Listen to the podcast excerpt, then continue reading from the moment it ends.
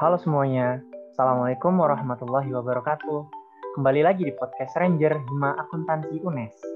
Nah, untuk tema kali ini, kita akan mengangkat tentang lingkungan pergaulanmu mencerminkan.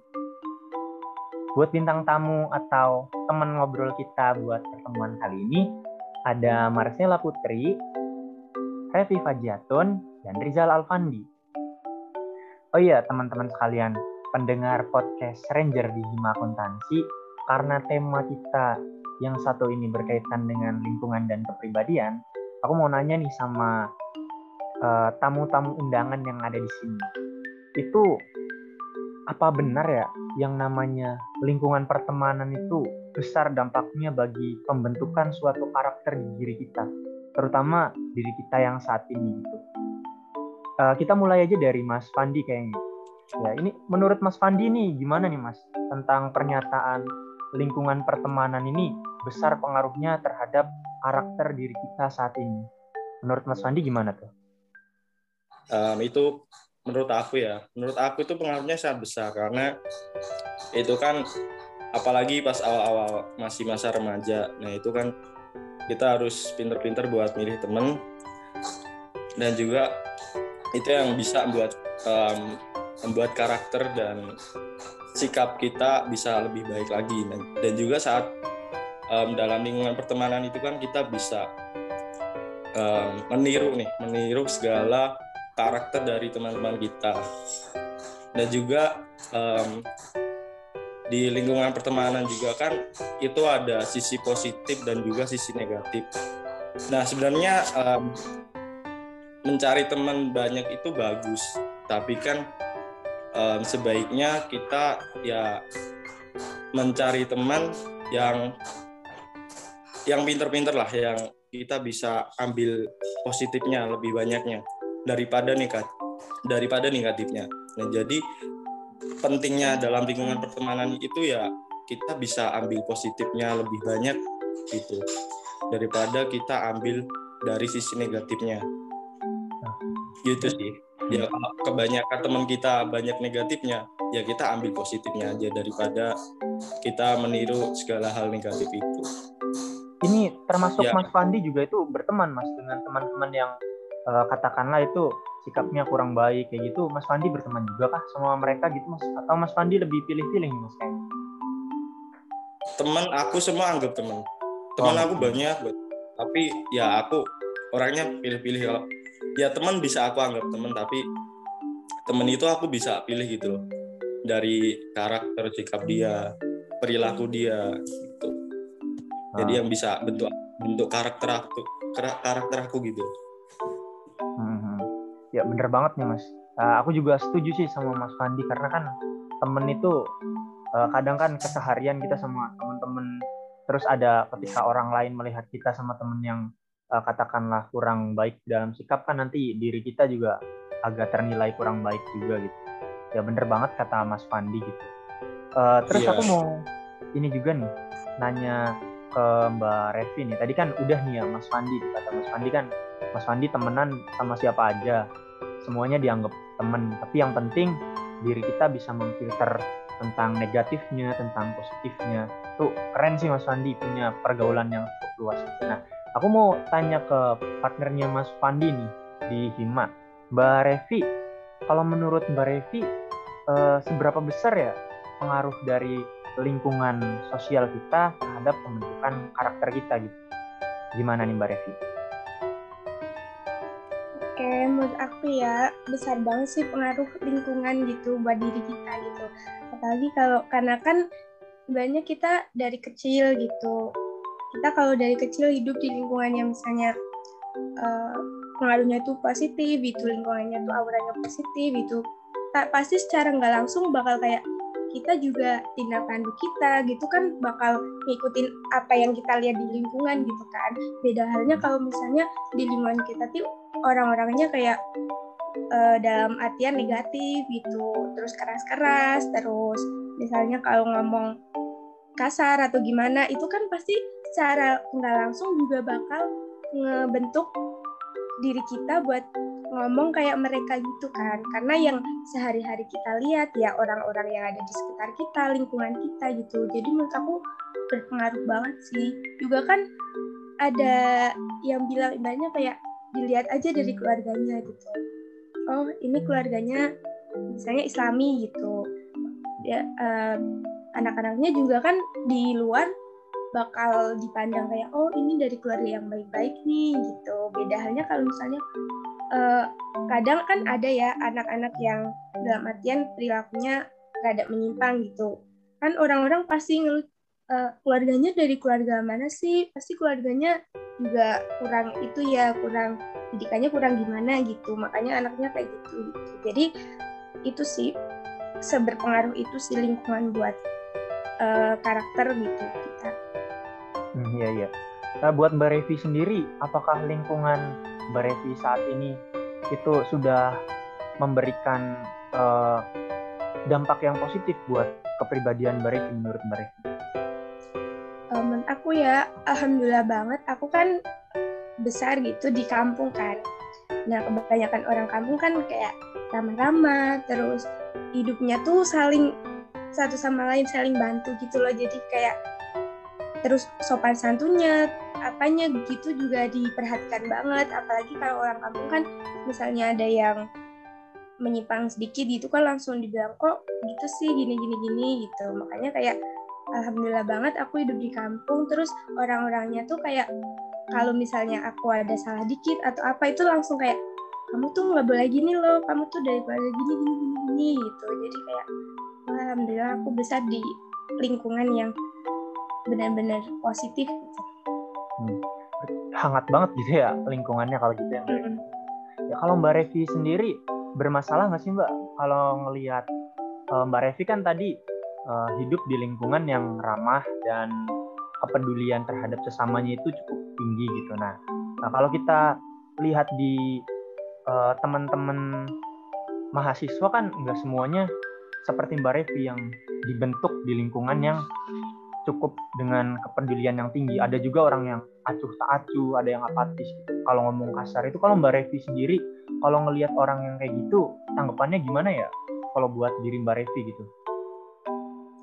Aku balik lagi ke orangnya sih, maksudnya kayak misalnya nih ada temen ngomong kasar, ya dilihat gitu. Oh ternyata emang dari bawaannya dia emang ngomongnya gitu, bukan karena ada maksud gimana gitu. Tapi emang dari kebiasaan gitu. Ya paling uh, dibilang sih kan karena ada gitu temen yang bercanda suka bercandaannya kan kadang itu ya iya, ada iya. orang yang bercandaannya tuh menurut dia biasa aja gitu. Tapi ada menurut orang kayak keterlaluan gitu. Ya udah dibilang aja. Banget tuh, Mbak. mungkin apa namanya maksud maksud dia bercandaan gitu. Tapi kan dilihat juga lawan lawan mainnya gitu. Siapa yang diajak bercandaan gitu. Mungkin kalau kayak kayak aku gitu kan udah biasa ya kayak dengar orang uh, temen bercandaan gitu kasar ya udah dia cuma bercandaan gitu tapi bilangin aja sih kayak kan nggak semua orang paham gitu kalau itu tuh bercandaan gitu ya mungkin lebih dijaga lagi sih kayak kurang-kurangin gitu kasar-kasarnya yang bercandaan yang sarkas gitu. Hmm, iya iya iya. Berarti kita juga harus saling mengingatkan lah ya Mbak kalau kayak apalagi kan kita kuliah di Jawa Tengah gitu mungkin ya mbak. Hmm lagi Jawa kan kayak kita kuliah kan ketemu sama orang banyak gitu kan ya. Dari luar Jawa dari Sumatera gitu kan orang yang cara ngomongnya kan rada keras gitu kan. Jadi ya udah hmm. kita paham aja mereka. Cuma kita juga ngomong sama mereka kalau di Jawa tuh baiknya gini gitu. Iya, keren banget sih ini jawaban dari Mbak Revi karena kita kan sering banget nemu cultural shock kadang ya. Kalau di sosiologi dulu kan disebutnya gitu. Kita yang dari budaya seperti ini ketemu dengan teman yang agak keras kadang suka uh, gimana gitu. Tapi ya bener kata Mbak Revi sih, kita semua kan terbentuk dari lingkungan kita gitu. Ya kita harus punya toleransi sih. Kalau mereka salah ya diingetin sih. Keren banget, mantap Mbak Revi. Makasih Mbak Revi. Yuhu. Uh, selanjutnya aku mau nanya sama Sheila. Kalau boleh tahu, halo Sheila, ada nggak ya? Halo, ada ada. Sheila, aku mau tanya nih. Sebelumnya tanya dulu deh asalnya tadi lupa. Sela dari mana ya? Aku dari Kalimantan Tengah, dari Pangkalan Bun. Oh, dari Kalteng. Gokil sih ini jauh banget dari Semarang. Orang jauh. Halo orang jauh. Ya, jadi Ah. gini saya, Eh, menurut kamu sendiri, kita udah lihat dari atau kita udah dengar dari Mbak Revi dan Mas Pandi tentang dampak lingkungan terhadap pembentukan karakter itu. Itu cukup besar dampaknya, apalagi untuk diri kita saat ini. Nah, menurut kamu sendiri nih saya, sebenarnya seberapa besar sih dampak pengaruh dari lingkungan itu terhadap kepribadian kamu saat ini gitu? Oke, kalau menurut aku sih sebenarnya itu 50-50 ya. Dalam artian lingkungan itu bisa berpengaruh besar buat kita, tapi bisa juga pengaruhnya cuma kecil atau bahkan tidak berpengaruh sama sekali kita. Nah, menurut aku itu semua kembali lagi ke diri kita sendiri. Kalau mungkin ketika kita kecil, pasti kita akan mengikuti didikan dari orang tua. Orang tua mendidik A, ya pasti kita akan mengikuti. Tapi kan kita tidak selamanya kecil terus ya, pasti kita akan jadi remaja, jadi dewasa, kayak gitu. Nah, ketika kita remaja, ketika kita dewasa, kita itu dipertemukan dengan lingkungan yang berbeda-beda. Nah, di situ kita sebagai manusia itu pasti bisa menilai mana yang sekiranya positif, mana yang sekiranya negatif. Nah, itu semua berbalik lagi ke diri sendiri. Kalau kita bisa memilah mana yang positif, mana yang negatif, kita tuh pasti bisa berbaur di, di lingkungan mana pun kita berada saat itu gitu. Jadi buat aku uh, pengaruh dari lingkungan itu balik lagi ke diri sendiri. Gimana kita berpegang teguh sama prinsip kita dan gimana kita mau menerima prinsip-prinsip lain yang mungkin aja datang di kehidupan kita. Gitu sih menurut aku. Eh, Saila ini cukup unik ya ternyata lingkungan pengaruhnya tidak lebih dari 50% karakter kita ini. Ini sangat unik. Berarti uh, apa pun lingkungan yang ada di sekitar kita, kalau kita itu punya pendirian yang teguh, itu uh, pengaruhnya nggak begitu besar gitu ya saya buat kamu Maya. Iya benar kayak gitu sih. Ya mantap ini mantap Sela. Oke, makasih semuanya nih. Ini jawabannya gokil-gokil sih tentang seberapa besar uh, dampak lingkungan sosial terhadap pembentukan karakter kita. Nah, untuk ada masalah seperti ini. Di kehidupan kita saat ini itu kita kenal ada uh, pepatah di bahasa Arab itu bilang anil marilatasal wasalam korinihi fakulun korinabil mukorinya tadi. Artinya itu uh, kalau kamu ingin berteman dengan seseorang lihatlah temannya. Karena seseorang akan melakukan hal yang dilakukan oleh temannya. Kalau temannya itu berkelakuan buruk maka jangan ditemani kalau temannya melakukan sesuatu yang baik-baik, maka segera temani dia. Nah ini cukup unik nih, cukup uh, bisa dijadikan bahan diskusi nih. Kita kalau mau temenan sama orang itu lihat temennya. Ini kalau buat kalian semua nih, ini termasuk yang bener nggak nih ya kira-kira peribahasa dalam bahasa Arab tadi mau temenan sama orang jangan langsung tanyain orangnya tapi tanyain temennya sementara tadi kan uh, Mas Fandi bilang katanya temenan mah temenan sama siapa aja. Berarti kan kalau kita mau temenan sama orang terus ngelihat temennya kurang baik kan kalau kata bahasa tadi kan uh, jangan didekati gitu. Ini menarik aku mau tanya. Ini menurut Mbak Revi gimana ya Mbak tentang pernyataan tadi tuh? Katanya kalau mau temenan sama seseorang lihat temennya. Kalau temennya baik berarti orang itu baik. Nah menurut Mbak Revi pernyataan itu seperti apa? Menurut aku 50-50 sih kayaknya ya. Karena kan ya sih emang kayak kita berteman pasti rata-rata sama yang sefrekuensi gitu kan. Sama yang kadang uh, ya nggak jauh beda lah sama kita gitu. Tapi kan nggak nggak mesti bener-bener satu pergaulan tuh karakternya sama semua gitu kan. Jadi menurut aku 50-50 sih bisa di, bisa iya bisa enggak karena balik lagi kadang uh, pribadinya dalam suatu pergaulan pun nggak mesti memiliki kepribadian yang sama sih. Tapi kan emang benar kan ada juga uh, pepatah kayak kalimat lah yang terkenal uh, kalau kita berteman sama penjual minyak wangi kan kita ikutan wangi ya enggak jadi kan kayak mungkin orang bakal ngelihat kita dari teman kita gitu.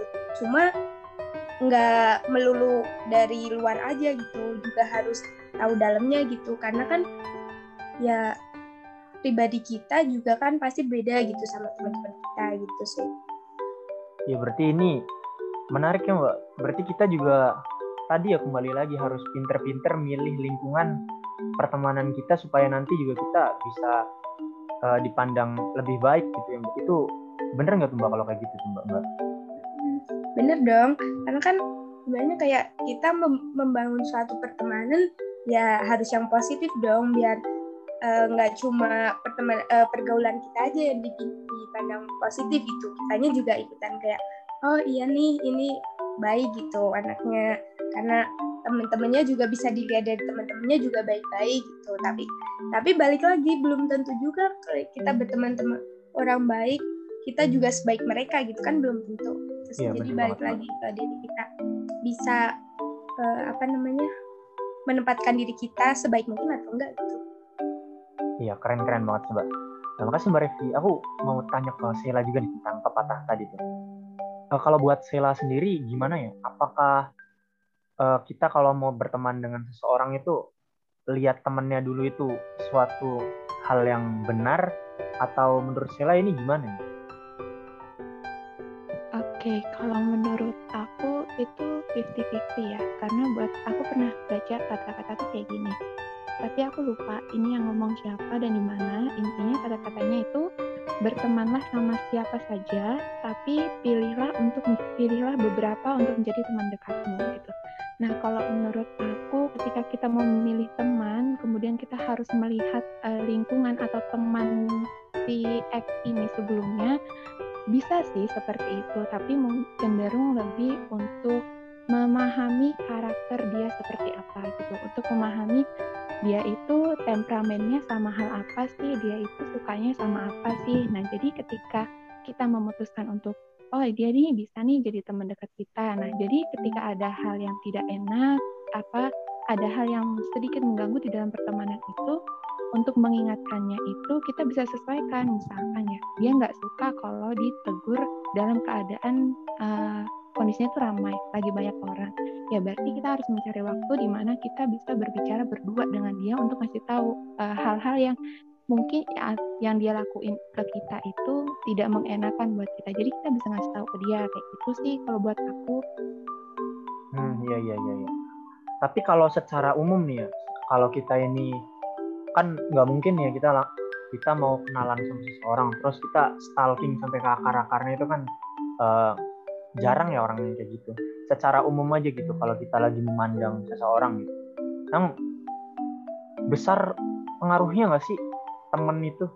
Sebuah temen gitu untuk menilai seseorang Bes, cukup besar nggak tuh saya kalau buat aku sendiri enggak karena buat aku ketika dia berteman itu kan pasti ada rasa suka dan tidak sukanya ya. Kita nggak pernah tahu apakah yang dia sampaikan itu benar-benar pure hasil dari pertemanan yang dia dapatkan gitu. Karena kadang kalau kita nanya ke dia kita berharapnya kita bisa dapat informasi yang sebenarnya gitu. Tapi ternyata malah informasi yang dia kasih itu sebenarnya informasi yang dia buat-buat gitu. Dan akhirnya membuat kita tidak mau berteman gitu.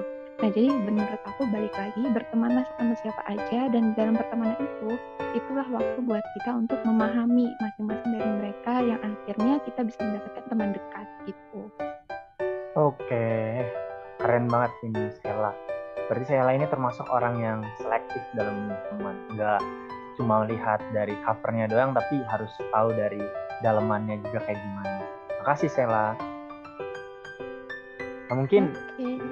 Mas Fandi udah bisa jawab Mas iya yeah, oke okay. yeah. tadi mungkin Mas Fandi ada yeah. itu yeah. tadi menurut Mas Fandi gimana itu Mas peran seorang teman itu bagi seseorang itu kalau kita mau berteman itu apakah kita melihat temennya yang kurang baik nanti orang yang mau kita deketin itu kelihatan kurang baik juga itu apakah besar banget tuh uh, mindset seperti itu ketika Mas Fandi ingin berteman dengan seseorang?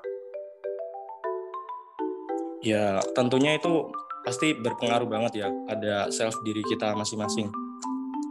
Sebenarnya berteman dengan semua orang itu bagus. Asalkan kita bisa uh, mengambil hikmah dari orang itu. Dan juga berteman dengan semua orang itu tergantung dengan kondisi dan keadaan yang saat kita um, berteman dengan orang itu. Dan juga um,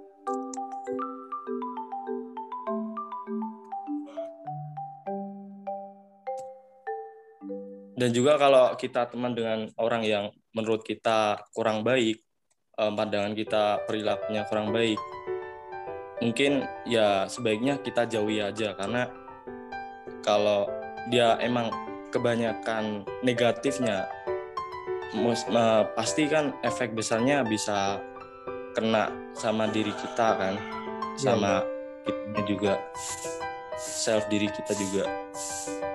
Tapi asalkan kalau teman apa asalkan kalau berteman dengan dia ada sisi positif positifnya kita kan bisa ambil segala kayak pengalamannya itu dia ada ada apa aja sih. Nah kita bisa ambil itu juga.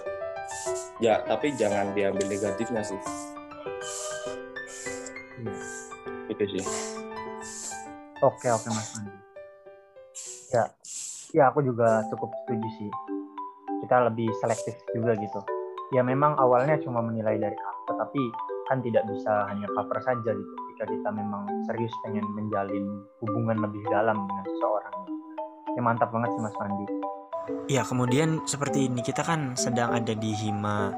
Hima ini kan sebuah organisasi kemahasiswaan yang kita tahu mahasiswa itu terkenal dengan uh, sebutannya di dunia luar sana itu tentang perannya sebagai agen yang menimbulkan kebermanfaatan. Nah ini di Hima kan kita kan agak jarang ya, apalagi turun ke jalan, terus memberikan uh, sosialisasi kepada masyarakat ini kan jarang nih. Aku mau minta pendapatnya nih. Kira-kira gimana ya sebaiknya Hima dan bagaimana ya lingkungan Hima ini? Mungkin ini bisa dijadikan sebuah inovasi di Hima Akuntansi nih oh itu itu itu kayak kayak program KKN gitu loh. Namun itu lingkupnya di Hima. Jadi kita dari organisasi Hima itu mengabdikan ke masyarakat gitu. Jadi kita bisa um, belajar gitu loh.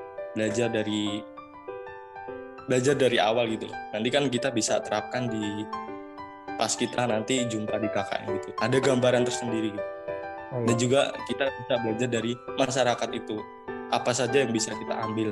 Nah, nanti kita bisa terapin buat besok ke, ke depannya gitu. Iya, ini keren sih ini. Ini Kahim akuntansi harus denger nih Mas Abbas. Salah satu masukan dari kami para fungsionarisnya ini. Mantap, mantap, mantap. Iya, ya, tapi kan tergantung kondisi kan. Iya, iya. Ya mungkin kalau itu offline bisa tuh ya Mas di seperti itu kan ya mas?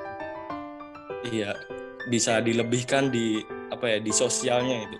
Kita kan sosial mungkin masih kurang banget.